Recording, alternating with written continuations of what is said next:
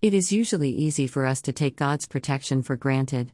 We seldom take notice or thank God when our car doesn't break down, our clothes don't rip, or our tools don't break. The people of Israel also failed to take notice. It seems as if they didn't notice that wandering in the desert for 40 years, their clothes didn't wear out and their feet didn't swell. They did not remember to give thanks to God for these blessings. What has been working well for you? What has been giving you good service?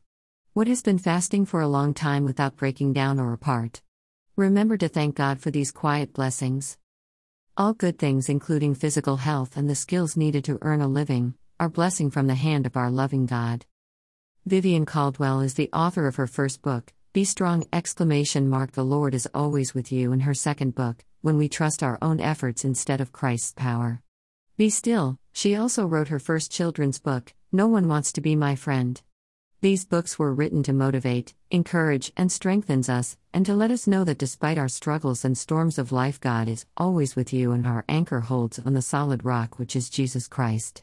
Her books are now available on Amazon, so get your copy today. Just type in her name, Vivienne Caldwell, and you will see her book.